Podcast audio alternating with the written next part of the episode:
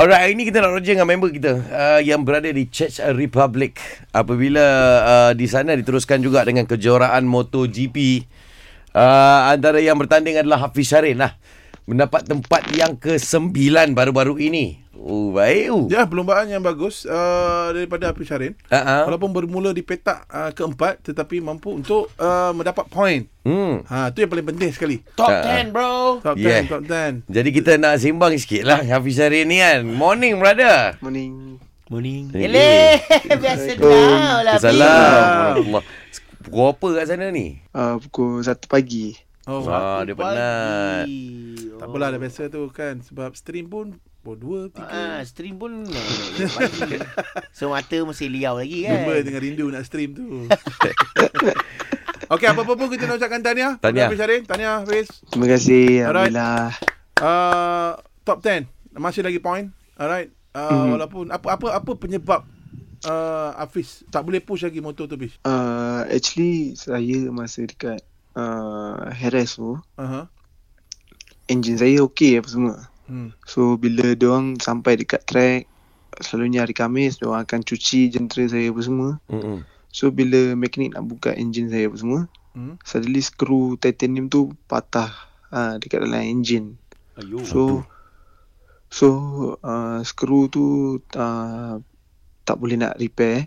Ha-ha. So company engine tu dia kata jangan repair, dia akan bagi engine lain. So bila saya dapat engine lain tu dekat weekend tu uh, power tak sama macam Ah. dekat RS lah. Ayuh. So saya tak rasa motor tu ada power lah. And then Hmm. bila setiap section tu kita orang try setting setting setting setting. Then bila sampai race tu saya tak boleh nak ikut rider-rider yang laju tu dekat straight slipstream jadi macam slow sikit lah. Ma, betul? So that's why saya masa starting pun saya ada problem and then terus drop kat P11 and saya try maintain maintain maintain fight dengan rider lain saya dapat tempat yang ke-9 lah. Oh, tapi kau overtake dia power tu. Hmm. Macam Baik, macam adalah. stream je lah kau overtake tu. eh, Fiz.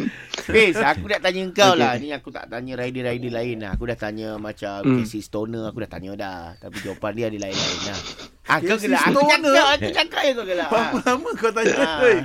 aku tanya dekat Wayne Rooney. So aku nak Hmm. tanya kau apa beza Fiz eh? Um, Mhm. masa kau bawa uh, time attack tu dengan race betul. Apa beza dia? Macam time attack tu kita orang macam more than uh, 100 uh, percent lah sebab macam kita orang letak Hmm. as maximum kita orang dekat situ Mm-mm. try lah macam orang kata do or die sebab dia macam jatuh tak jatuh kan.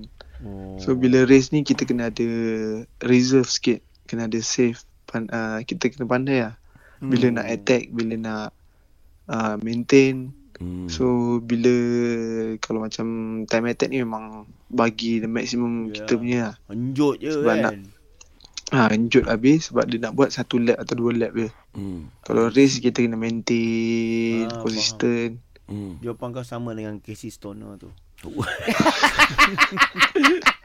Aku tak tahu lah Mhm. macam basikal lah kau bawa benda tu. So kat Australia ni kita orang dapat engine lain lah. Wah, dapat dia- engine lain pula.